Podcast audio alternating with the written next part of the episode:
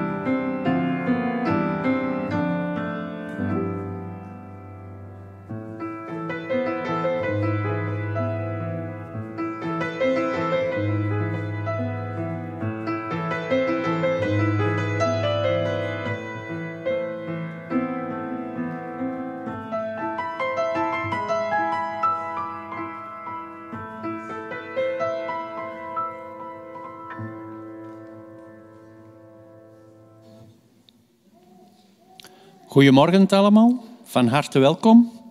We merken duidelijk dat het vakantieperiode is. Of het weer steekt er ook een uh, stukje bij, dat uh, mensen het weer niet zo graag trotseren.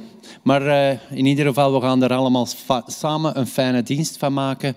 En uiteraard is iedereen hierbij van harte welkom. Ook onze kijkers thuis wensen we een fijne en gezegende dienst toe. Vanmorgen heten we ook Bert en Sandra van harte welkom, die het weer wel getrotseerd hebben.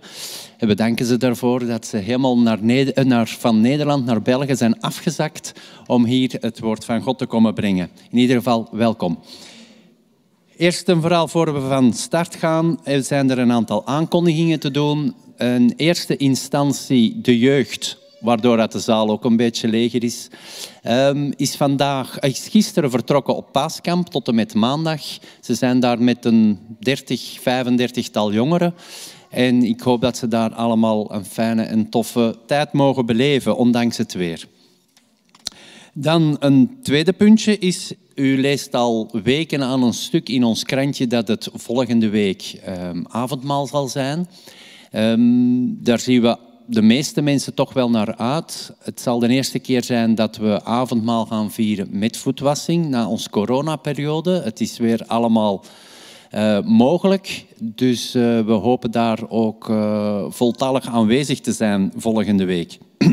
maar er is een, een puntje, omdat we nu een aantal jaren bijna geen, weinig of geen avondmaalsviering hebben gedaan, zijn we nu ook op zoek naar mensen die ook een handje willen toesteken volgende week.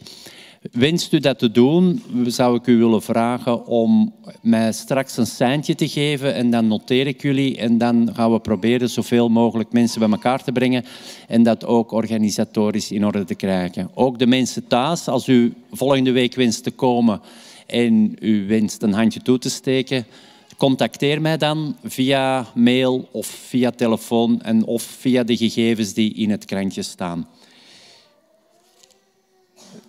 Dat betreft het uh, avondmaal. Dan is er nog een klein puntje voor onze afgevaardigden voor het administratief congres. Morgen is daar een specifieke opleiding voor om te weten wat je kan en niet kan op zo'n administratief congres. Want dat is een officiële vergadering voor de VZW van onze federatie. En er zijn een aantal wetgevende zaken die je moet weten. Het is niet zo dat je er maar kunt opstaan en je woord voeren. Nee, dat is allemaal volgens bepaalde regels. En die regels gaan ze uitleggen voor de mensen die al toegezegd hebben om te gaan.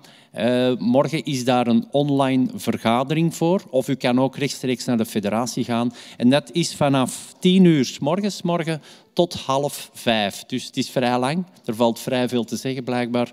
Maar u kan dat ook online volgen. Wenst u dat en u bent ook, uh, ook afgevaardigde, kom dan even naar mij en dan regelen we dat u een mail krijgt met die link of waar het juist is.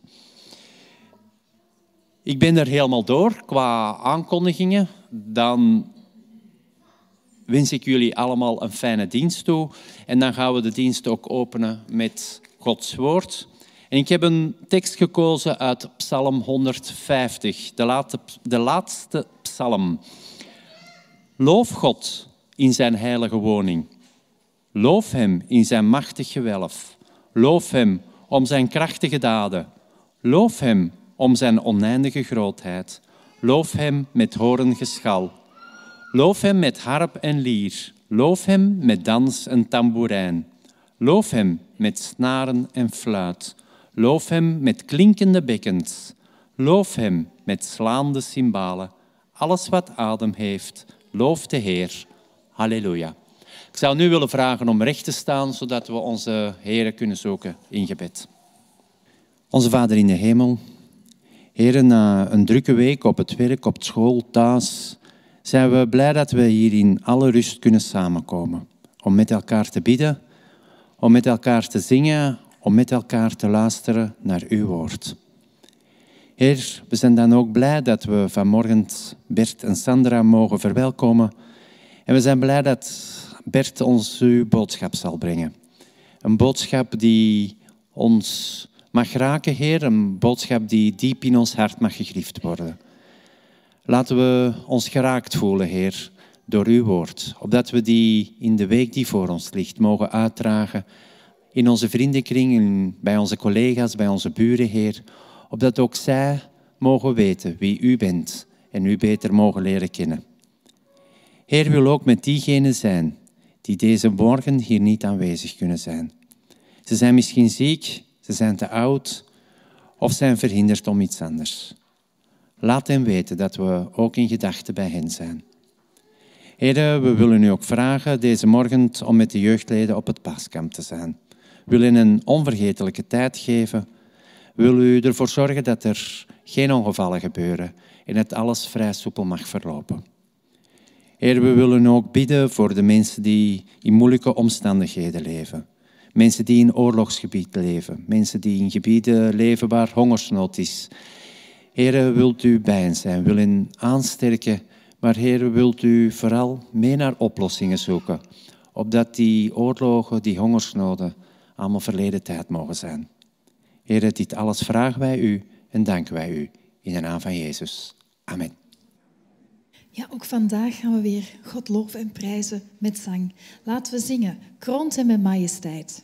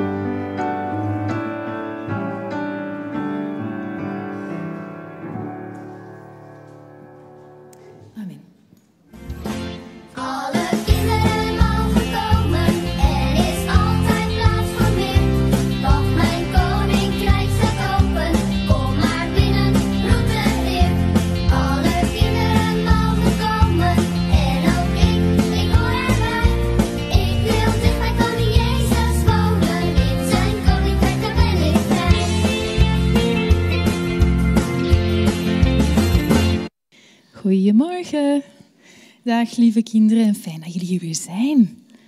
Zeg, hoe is het weer vandaag? Is het mooi weer? Nee, hè? Nee, ik ben uit de auto naar hier gekomen en het was aan het...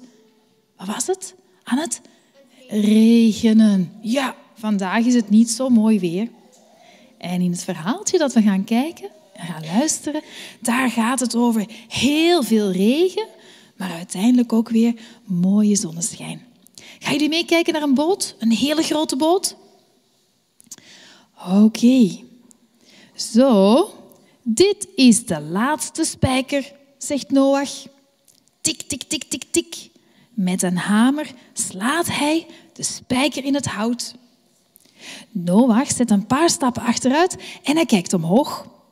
Hij ziet een grote boot. En zo dadelijk gaan jullie die boot ook zien. Een hele grote boot. En er zit een dak op. En er zit een raam in. En de boot ligt nog op het land, maar is er bijna klaar. Noach heeft drie zonen. Ik zie hier heel veel jongens zitten. Ja, Noach had er drie.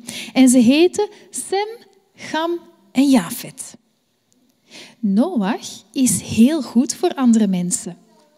En hij is daarom een vriend van God. God vindt dat fijn dat hij goed is voor andere mensen.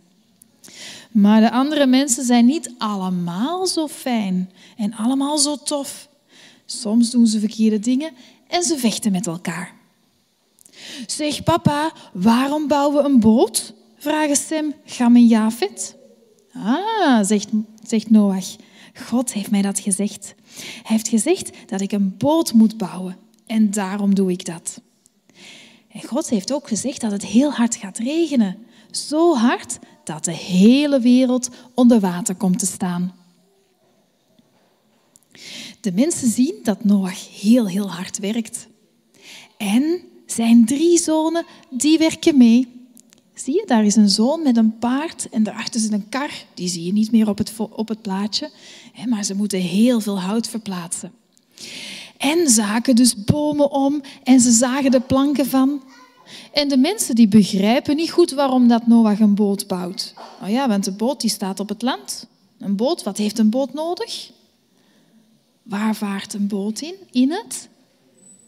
In het, ja, in de zee, in het water, dat klopt. En waarom doet Noach dat nu? Vragen de mensen zich af. Wel, de boot is bijna klaar. En Sem, Gam en Javet die vragen, vader, gaat die boot goed varen? Oh ja, dat weet ik heel zeker. Zeg, en hoe groot is die boot? vraagt Sem. Ah, die is wel 150 meter lang, 25 meter breed en 15 meter hoog, zegt Noach. God heeft dat gezegd. Hij heeft gezegd dat ik hem precies zo moest bouwen. Weet je, Noach en zijn zonen die gaan naar huis. Want hun vrouwen die wachten op hen. Ah, de boot is helemaal klaar, zegt Noach. En vandaag hebben we de laatste kamers en de hokjes gebouwd voor de dieren. En we hebben overal alles waterdicht gemaakt. Nu kan er geen druppel water meer in de boot komen. En kunnen we helemaal droog zijn. En we hebben ook heel veel eten in de boot gedaan. Want over zeven dagen, nog zeven dagen wachten en dan gaan we in de boot. En we nemen heel veel dieren mee, zegt Noach. Oh, hoeveel dieren nemen we mee, zegt de vrouw van Noach. Wel, al onze eigen dieren en dan nog zeven paar geiten, zeven paar koeien, zeven paar schapen en telkens een mannetje en een vrouwtje. Want zo wil God het. En weet je wat we ook nog meenemen? Twee paarden, twee ezels, twee kamelen, twee kippen, twee konijnen, twee hamsters en nog veel meer dieren, nog heel veel dieren. Van alle dieren op de aarde nemen we er twee mee. Een mannetje en een vrouwtje, zegt Noach. Het is ochtend.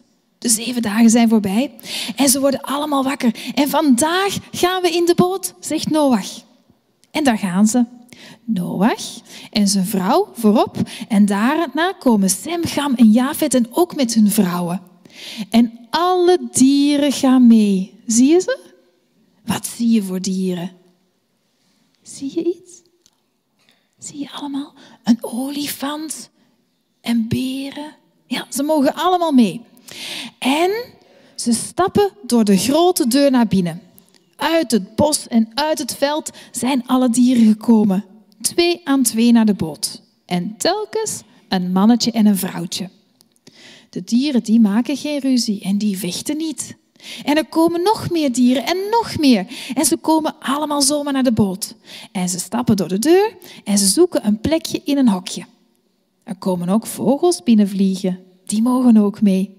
En alles gaat heel rustig. En na een tijdje zitten alle dieren in de boot. Maar daar ligt de boot aan. Er is geen water. Maar God doet de deur dicht. Boom. Noach en zijn familie en de dieren zitten in de boot. En ze wachten tot er wat gaat gebeuren. En wat gebeurt er? Wat zien jullie? Het regent. Het regent heel hard. Het water komt uit de rivier en stroomt over. En het spuit ook uit de grond, zoals een fontein. Er komt overal water vandaan en het stijgt hoger en hoger en hoger. En dan komt de boot los. Die komt los van de grond en hij drijft op de golven. En het regent wel veertig dagen lang. En dan, dan stopt het met regenen. En alles wat er op de aarde was, dat is er niet meer, want er is alleen nog maar water, heel veel water. En Noach en zijn familie en de dieren, waar zitten die? Waar zitten ze allemaal? Ja, in de boot. Ze zitten in de boot, veilig en wel. Na een tijdje gaat het heel hard waaien en het water begint te zakken, maar het duurt wel lang. En denk je dat God Noach is vergeten? Nee hoor. Hij is niet vergeten en ook de familie en de dieren niet. En boem, ineens botst de boot tegen een rots aan. En hij staat stil en de boot schommelt niet meer. En Noach doet het raam open. Hij ziet de toppen van de bergen en hij ziet kleine stukjes van de bergen boven het water uitsteken. En hij neemt een vogel in de hand en die mag naar buiten. Je gaat hem niet naar buiten komen. Vlieg maar af, zegt hij, en kijk of de aarde droog is, zegt Noach. Oei, de raaf komt niet. Misschien moeten ze even op het knopje duwen boven. Dat is de duivel. Oké. maar de raaf die komt terug, want hij heeft niks gevonden. En daarna laat Noach ook een duif wegvliegen. Maar die hebben jullie al gezien. En ook die komt weer terug. Hij gaat op de boot zitten. Zeven dagen later gaat Noach nog eens een duif loslaten. Kijk eens allemaal, roept Noach. De duif is teruggekomen en hij heeft een takje in zijn snavel. Het water is dus zo ver gezakt dat er al wat bomen zijn. En Noach die wacht nog zeven dagen. De duif komt daarna niet meer terug. Hij heeft een droog plekje op de aarde gevonden waar hij kan zitten. Dan hoeft hij niet meer in de boot te zijn. En Noach doet het tak open. Hij kijkt om zich heen en hij ziet dat de aarde helemaal droog is geworden. En Noach zegt, kom maar uit de boot.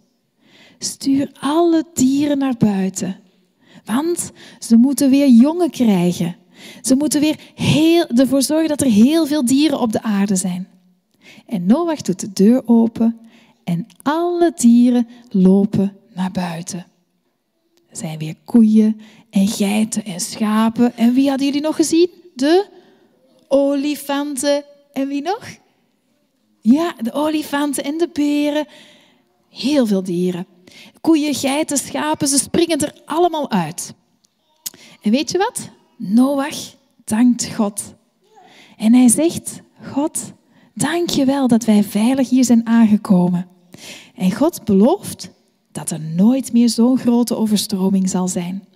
En telkens als het regent en de zon schijnt, dan is er iets in de lucht. Wat zien jullie in de lucht? Ja, Je ziet een regenboog, ja. God heeft de regenboog gegeven dat telkens als ze die in de lucht zien, dan denken ze eraan. God heeft beloofd dat er nooit meer zo'n grote overstroming zal komen. En dat heeft God aan Noach beloofd. En ook aan ons. Dat is mooi, hè? Dus als jullie nu nog ooit een regenboog zien, dan denk je aan dit verhaaltje. Is dat goed? Ja? Dan mogen jullie nu naar boven. En dan mogen jullie een mooie kleurplaats gaan maken over een regenboog. En terwijl de kinderen naar boven gaan, wil ik jullie uitnodigen om weer op te staan en met ons te zingen.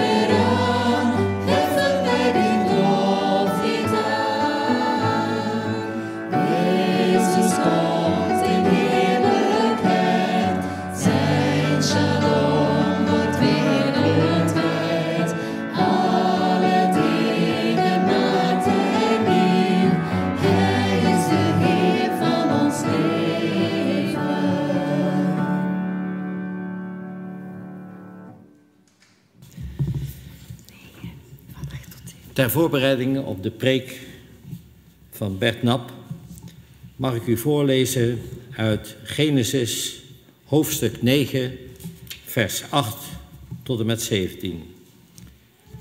Genesis 9, hoofdstuk, of vers 8 tot en met 17. Ook zei God tegen Noach en zijn zonen: Hierbij sluit ik een verbond met jullie en met je nakomelingen en met alle levende wezens die bij jullie zijn. Vogels, vee en wilde dieren, met alles wat uit de ark is gekomen. Alle dieren op aarde. Deze belofte doe ik jullie. Nooit weer zal alles wat leeft door het water van een vloed worden uitgeroeid. Nooit weer zal er een zondvloed komen om de aarde te vernietigen. En dit, zei God, zal voor alle komende generaties het teken zijn van het verbond tussen mij en jullie en alle levende wezens bij jullie. Ik plaats mijn boog in de wolken, die zal het teken zijn van het verbond tussen mij en de aarde. Wanneer ik wolken samendrijf boven de aarde en in de wolken die boog zichtbaar wordt, zal ik denken aan mijn verbond met jullie. En aan al wat leeft. En nooit weer zal het water aanzwellen tot een vloed die alles en iedereen vernietigt. Als ik de boog in de wolken zie verschijnen, zal ik denken aan het eeuwig verbond tussen God en al wat op aarde leeft. Dit, zei God tegen Noach, is het teken van het verbond dat ik met alle levende wezens op aarde gesloten heb. Onze volgende tekst die vinden we in Marcus 1 van 12 tot en met 15. Meteen daarna dreef de geest hem de woning in. Veertig dagen bleef hij in de woestijn, waar hij door Satan op de proef werd gesteld. Hij leefde er te midden van de wilde dieren en engelen zorgden voor hem.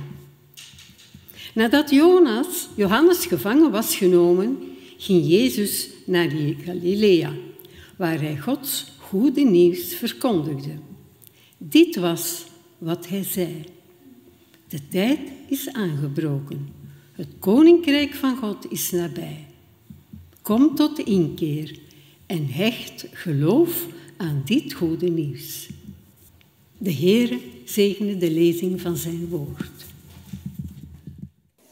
Goedemorgen, zusters en broeders. Goed om u hier in Antwerpen te ontmoeten. Dank voor de uitnodiging om hier vanochtend bij u te mogen zijn.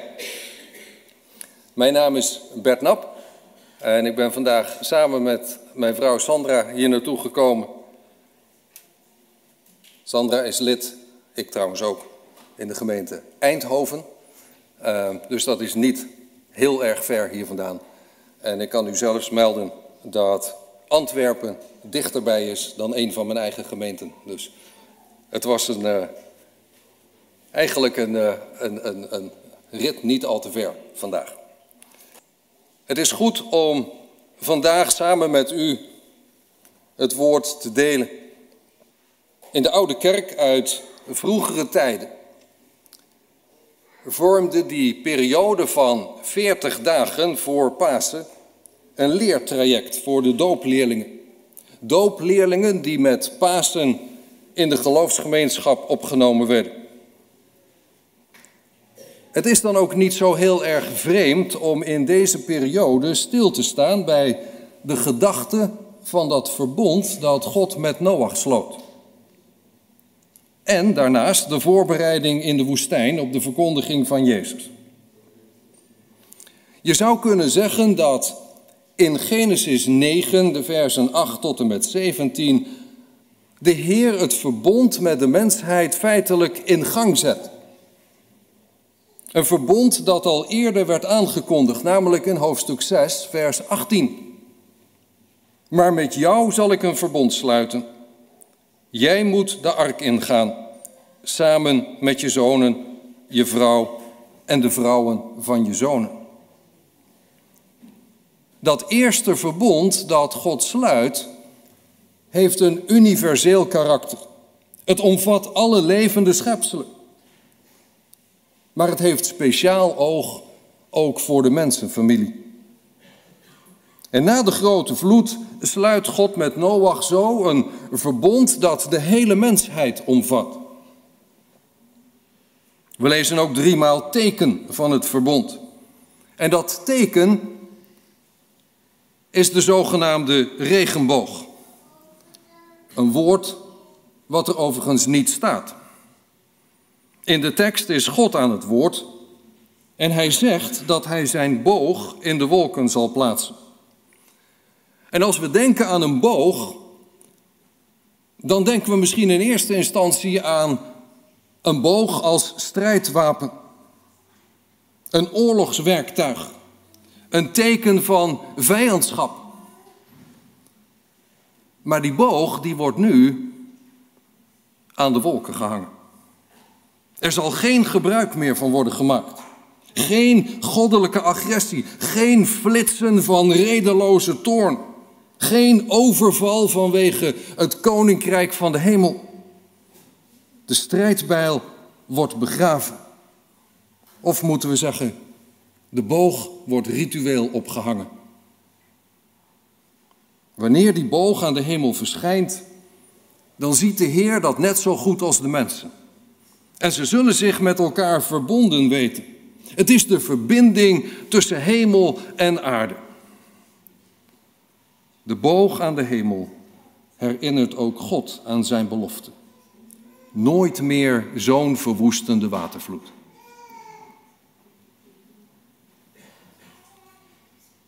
De eeuwige God verklaart hier eigenlijk dat een allesverwoestende vloed voortaan geen optie meer is om de problemen met de wereld op te lossen.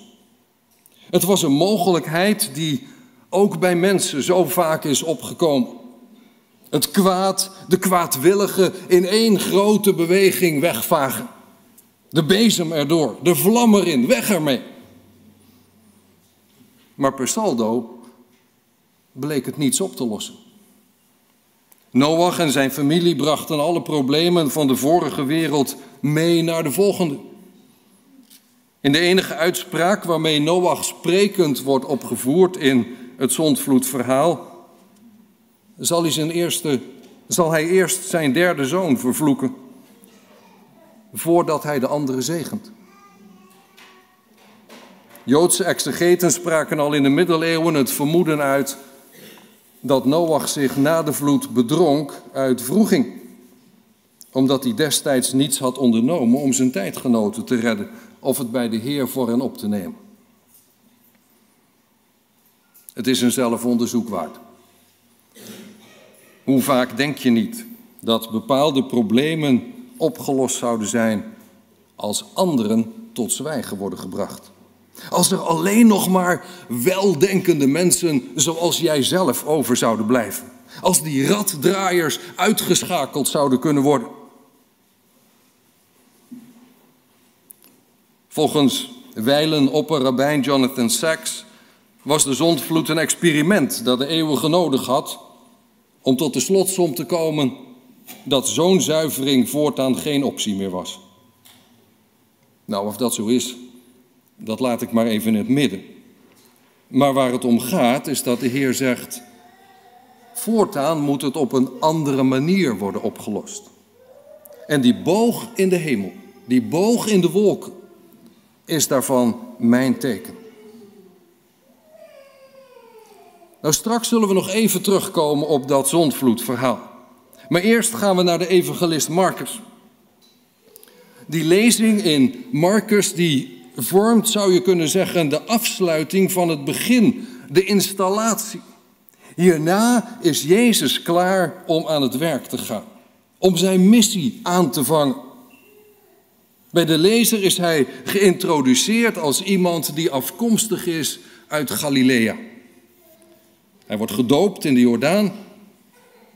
En na een periode van voorbereiding en van bezinning keert hij terug naar Galilea om van daaruit aan de uitvoering van zijn taak te beginnen. Jezus is gekomen om het evangelie te verkondigen, om het gestalte te geven. En dat is een belangrijk gegeven.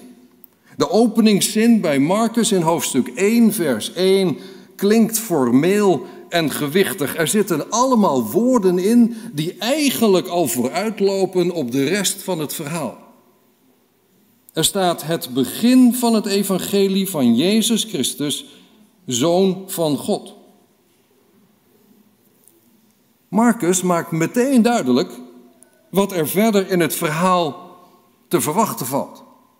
Zowel de schrijver als de lezer staan aan het begin van belangrijke gebeurtenissen die te maken hebben met God en zijn verlossende relatie met de wereld. Overigens was dat woord evangelie of goede boodschap in de tijd van Marcus al ruimschoots bekend. Het kwam niet alleen maar voor in het religieuze denken, maar ook in de politiek. Binnen de Romeinse keizercultus wordt het woord bijvoorbeeld gebruikt in de zin van het vreugdevolle bericht van de verjaardag van de keizer. Bij de profeet Jezaja wordt gesproken over de vreugdevolle terugkeer van de ballingen naar Sion.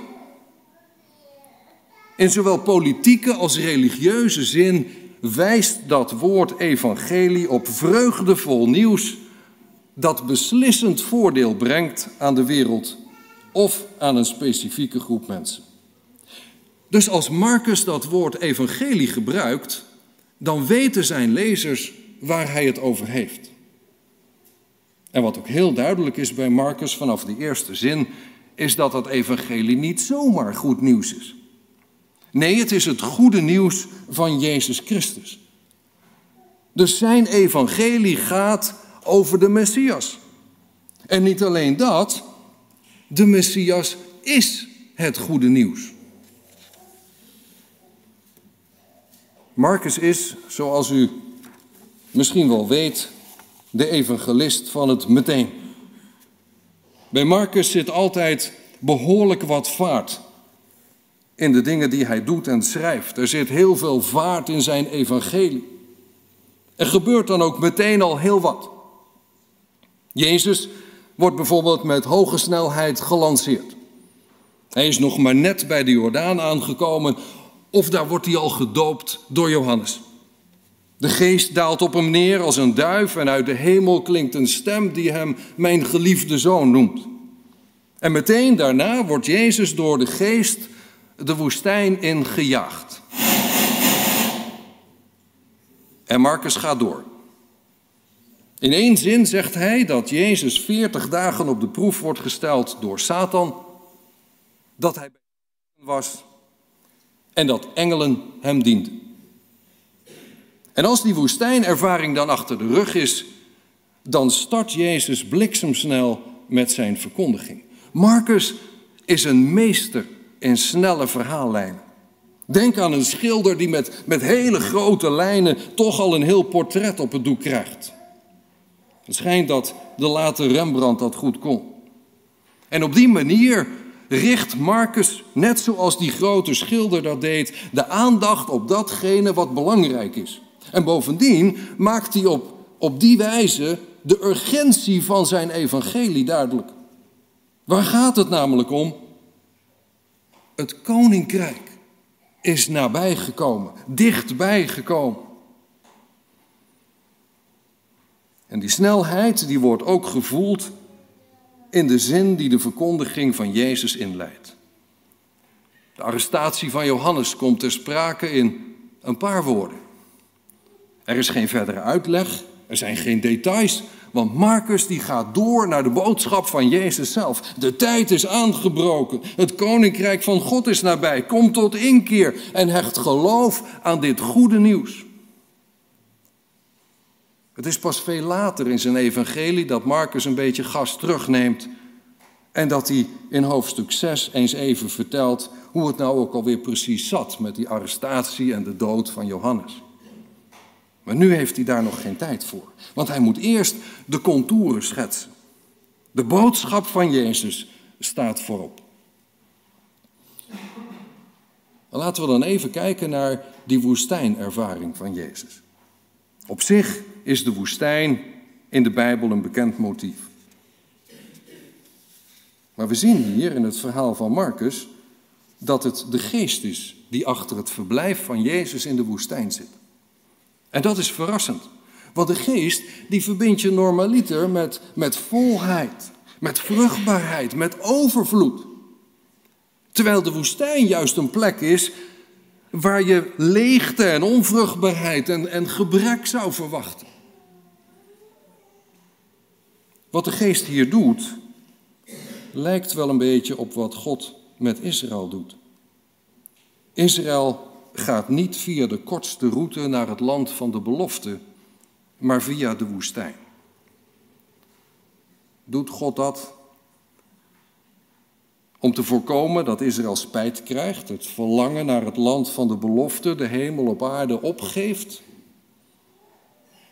Is het Gods manier van onderwijzen om terugval, een terugkeer naar dat slavenhuis te voorkomen? Want laten we eerlijk zijn, Israël uit Egypte halen is één ding, maar Egypte uit Israël halen is heel iets anders. Er is een woestijntocht nodig om van slaven vrije mensen te maken. Zo ligt er ook een lange weg tussen D-Day, het begin van bevrijding, en V-Day, de dag van de overwinning. Er is geen korte route tussen Egypte, het slavenhuis, en Canaan, het land van melk en honing. Die route die moet eerst geleefd worden. De geest doet hier met Jezus wat hij later zelf met boze geesten doet. Drijven of uitdrijven.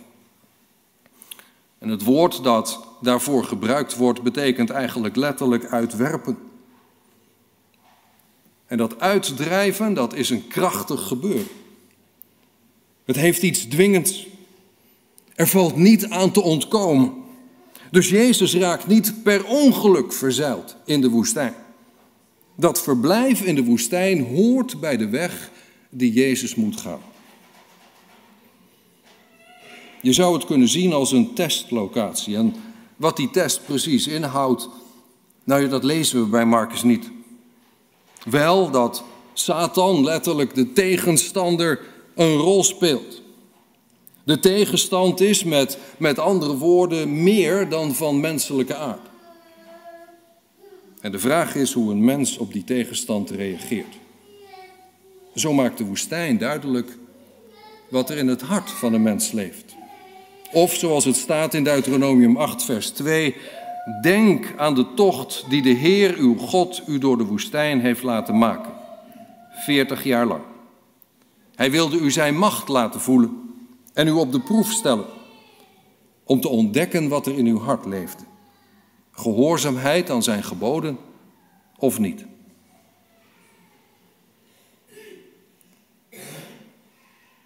Marcus is de enige die schrijft over Jezus' verblijf te midden van de wilde dieren. En dan zijn daar natuurlijk een heleboel verschillende uitleggers die ook allerlei verschillende uitleggingen geven. Sommigen zien de wilde dieren als vijanden voor de mens. Het zijn de leeuwen, de beren die we op de weg zien, die ons hinderen. En zij zeggen, die wilde dieren zijn een deel van de beproeving. En anderen zeggen, nee, het benadrukt meer de afzondering. Jezus stond er alleen voor in de woestijn. En nog weer anderen zien dat verblijf van Jezus bij de wilde dieren eerder als een beeld van overwinning. Herstel van de paradijssituatie. Jezus die als tweede Adam in tegenstelling tot de eerste Satan wel weerstaat en overwint. Het Griekse woord voor te midden van wijst op een verblijf onder of bij anderen. En je zou zeggen dat roept eerder een beeld op van vrede dan van strijd. De engelen die voor hem zorgen, die hem dienen, bevestigen misschien dat beeld van uiteindelijk een klein stukje paradijs in de woestijn. Een beetje hemel op aarde. De woestijn is niet alleen maar kommer en kwel. In de weg van de gehoorzaamheid valt er soms ook even iets te zien van Gods rijk. Een engel op je weg. Een mens die naar je omziet. Een gesprek op het goede moment. En dan, na die paar zinnen van Marcus over de ervaring in de woestijn, dendert hij weer door. Zijn boodschap is er een van urgentie, in een taal die wijst op een beslissend moment. Als Jezus zegt de tijd is aangebroken, dan is dat een aanduiding dat God op het punt staat om in te grijpen. En dat blijkt ook wel uit het tweede deel van de zin: het koninkrijk van God is nabij. Jezus roept op tot bekering, tot geloof. De tijd is aangebroken. Het koninkrijk van God komt dichterbij. Het is nu of nooit. En die oproep tot bekering en geloof, die zou je kunnen bekijken als twee kanten van één medaille. De omkeer is het omdraaien in de richting van het goede nieuws. En geloof betekent dan vooral dat je je aan dat goede nieuws toevertrouwt. Het is niet voldoende om te geloven dat God bestaat. Je moet je ook aan Hem toevertrouwen. Het gaat je leven bepalen op die manier. Dus het gaat om een keuze. In de wereld van Jezus werd de term geloof vaak gebruikt om de relaties tussen een beschermheer en zijn onderdanen aan te duiden. Een goede beschermheer ontving het vertrouwen van zijn onderdaan en werd ook geacht om zich betrouwbaar te gedragen. En Jezus presenteert de relatie tot God in diezelfde term. En hij roept ons op om onszelf aan die beschermheer toe te vertrouwen. Dat gaat ver. Dat betekent namelijk ook dat je je dan afwendt van andere machten, andere heersers. Jezus spreekt over koninkrijk of heerschappij.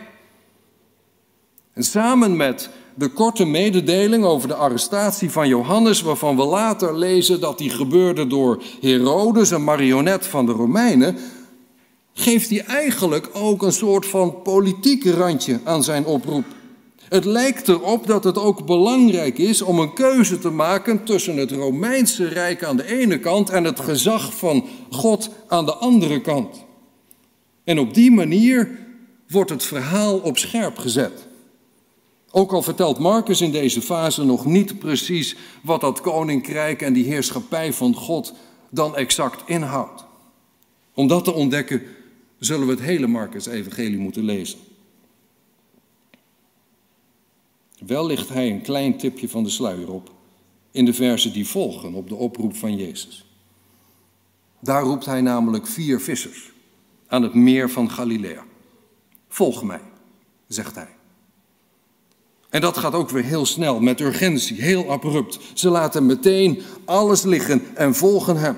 En het eerste wat ze dan meemaken is de uitdrijving van een boze geest uit een bezetene. Zoiets had nog nooit iemand voor elkaar gekregen. En voor de betreffende persoon betekende dat een nieuw, een bevrijd leven. Voor de mensen om Jezus heen leidt het tot de vraag: wie is hij toch? Het raakt aan de kern van Gods heerschappij. Het volgen van de vissers. De bevrijding van een boze geest. Het geeft aan wat het inhoudt om gehoor te geven aan de oproep van Jezus tot bekering en geloof. Je vertrouwt je aan Hem toe en het geeft je bevrijding. We zijn op weg naar Pasen. En de veertig dagen die daaraan vooraf gaan, ja, daarvan zeggen we, ja, die nodigen uit tot onthaasting, tot bezinning. En dan kun je je afvragen, ja, maar past dan zo'n urgent en jachtig evangelie als dat van Marcus daar eigenlijk wel bij? Is het dan misschien niet veel beter om dan nu juist Matthäus en, en Lucas te volgen? Die op een veel rustiger, veel meer bezonnen manier verslag doen in hun evangelie. Want bij Marcus is alles urgent, vooral de boodschap van Jezus. Hij heeft geen tijd voor uitgebreide analyses. Maar misschien ligt daar ook wel het aanknopingspunt voor de vaste tijd. Die is namelijk ook urgent. De bekering, het vertrouwen en het goede nieuws van het koninkrijk is urgent. Hoe kan iets urgenter zijn dan je afkeren van datgene wat je in zijn greep houdt? En je toewenden naar datgene of degene die je bevrijdt. En toch is de weg van Jezus ook een langzame weg. Ik had beloofd dat ik nog even zou terugkomen op dat verhaal van de zondvloed. Enerzijds was die ook snel en overweldigend, net zoals dat evangelie van Marcus. Maar tegelijk was de aanloop er naartoe langzaam. Er moest eerst een hele boot gebouwd worden. En in die tijd was bekering, jezelf toevertrouwen aan God, nog steeds een optie. Uiteindelijk had de vloed een behoorlijk negatieve connotatie, terwijl Marcus ons juist razendsnel met het goede nieuws overrompelt. Maar de weg van Jezus is als oplossing voor het kwaad in de wereld tegengesteld aan de zondvloed. De zuivering wordt niet van buitenaf voltrokken, maar juist van binnenuit. Ze komt niet als een vloed, maar als een kiem. In Jezus gaat God niet over alles heen, maar juist door alles heen. Als belichaming van Gods betrokkenheid zal Jezus de liefde en de trouw vasthouden, terwijl Hij afdaalt en desnoods ten onder gaat in de overvloed van menselijk kwaad en lijden. En zo zal hij alles vervullen. Dat betekent niet dat hij bezig is met het afvinken van een checklist, maar dat hij alles wat hij aanraakt laat vollopen met genade. En die weg, die heeft meer tijd nodig. Een hele andere instelling dan die grote wasbeurt uit Genesis 6 tot 9. En als we in dat kader dat mini-pericoopje over Jezus in de woestijn lezen, dan is het van belang dat we hem zien opklimmen uit het water. Hij spoelt niet met zijn grote gelijk de wereld weg. Nee, hij dompelt zich onder in ons bestaan. En daarvan mogen wij tot op de dag van vandaag de vruchten plukken. Jezus gidst ons. Hij helpt ons om te veranderen, om te groeien. Is dat urgent? Zeker. Stel niet uit op morgen wat je vandaag kunt doen, om in de geest van Marcus te blijven. Maar vervolgens is het ook stap voor stap op weg zijn met de Heer. In het vertrouwen dat het goed komt in het leven. En op die manier zal het vertrouwen in onze beschermheer groeien. En zullen we ons hopelijk steeds een beetje meer aan Hem toevertrouwen. Gods boog hangt in de wolken. Hij overrompelt ons niet, maar hij is betrokken bij ons bestaan. En vastbesloten om samen met ons te blijven werken aan een goede toekomst. Bij en met hem. Amen. Ik mag u weer uitnodigen om op te staan. We gaan een, uh, een lied zingen met een hele mooie tekst over de trouw van God en zijn teken naar ons met die boog in de wolken. En dat zijn naam, ik zal er zijn, in ons leven mag meegaan. Laten we samen zingen.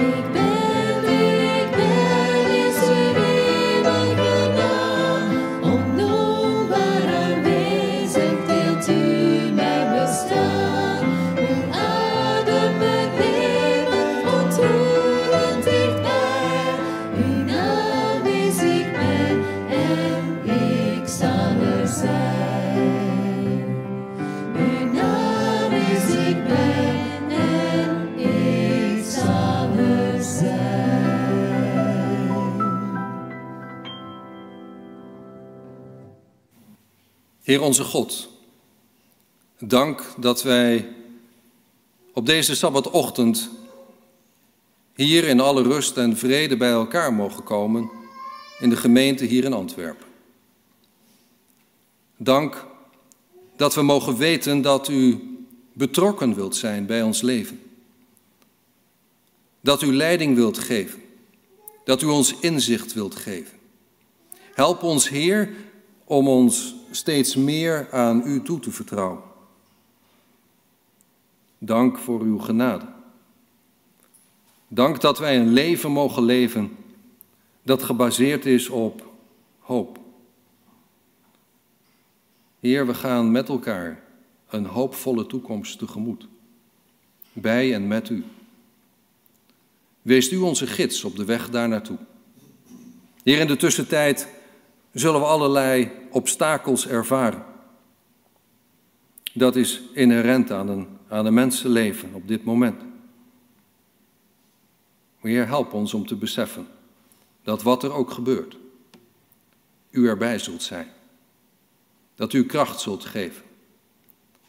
En dat u waar nodig is, waar het nodig is, onszelf zelfs zal dragen. Heren, ik bid u voor de gemeente hier in Antwerpen. Wees u met een ieder, hier aanwezig of thuis of elders.